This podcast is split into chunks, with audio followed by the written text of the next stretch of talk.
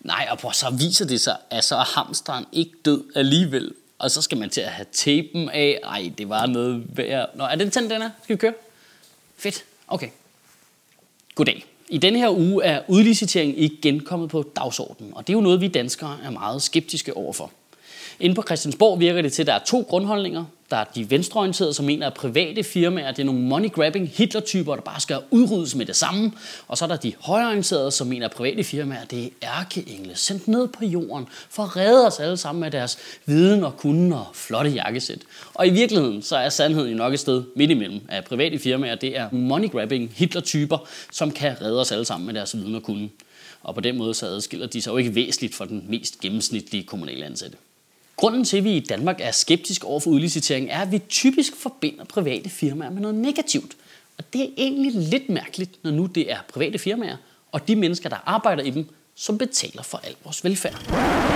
Hov, hvad var det, han sagde der? Den er vi lige nødt til at have i slow motion en gang, tror jeg. 1.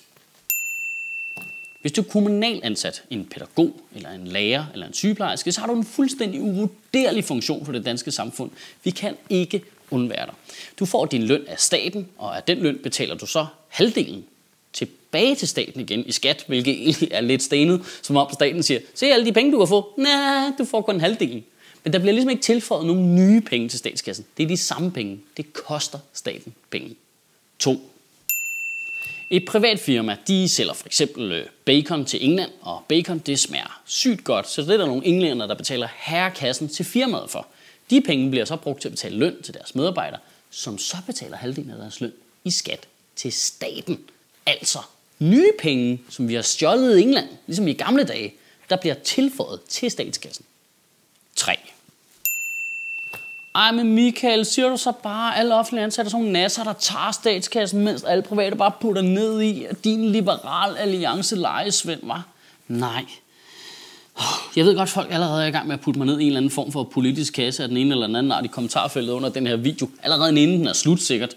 Prøv, jeg prøver bare at forklare grundmatematikken i det. Sådan er det bare. Vores samfund kan ikke fungere uden de offentlige ansatte, der udfylder alle funktionerne, og vores samfund kan ikke fungere uden alle de private ansatte, som betaler deres løn.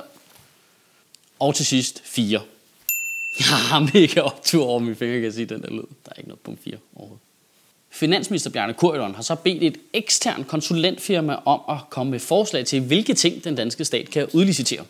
Han har altså udliciteret udliciteringsbeslutninger. Og der går min personlige grænse nok for udlicitering, vil jeg sige. Altså, selv med tanken om at udlicitere Christiansborg helt, der har strejfet min tankerække et par gange, jeg er faktisk oprigtigt i tvivl om ikke, at det vil gå meget bedre i Danmark, så hvis vi lige udliciterede hele statsmagten til Sverige, for eksempel. Men lad mig så stille det her øh, avancerede spørgsmål til sidst, som du så kan tænke over i ugen, der kommer. Hvordan kan det egentlig være, når man snakker om udlicitering, at vi ikke snakker om at tage ting, der allerede er udliciteret, og så gøre dem offentlige igen? Ligesom det for eksempel kan være smart at udlicitere det ene eller andet, fordi man kan spare nogle penge eller gøre noget mere effektivt, så kunne det jo også være relevant lige at evaluere på i forvejen udliciterede områder og sige, er det smart stadigvæk? Banker for eksempel, er det relevant? Giver det mening? Hvorfor skal det være private firmaer, der sidder med alle danskers boliglån i deres hænder, og når de så fucker det hele op, så er det alligevel staten, der skal komme og redde dem? Vil det ikke være smartere, hvis det var fællesskabet Danmark, der ligesom var sikkerhed for dit hjem, frem for mennesker, der giver hinanden 150 millioner kroner i bonus, bare de mødte op ædru fire dage i streg, altså? Det synes jeg måske, at dit hjem er for vigtigt til. Ja, så, så hoppede han skulle lige op af den kasse, og så over i den anden kasse. Det er meget forvirrende alt sammen. Kan du have en rigtig god uge, og Gud bevare min bar. Hvor jeg skal lige være ærlig sige, jeg giver lidt af mig selv og fortæller om det med hamsteren, og du sidder bare og stiger ondt på mig under hele talen. Som om, der er ikke noget forkert i det med det hamster. Det har vi da alle sammen gjort. Med yoghurt og terpentin.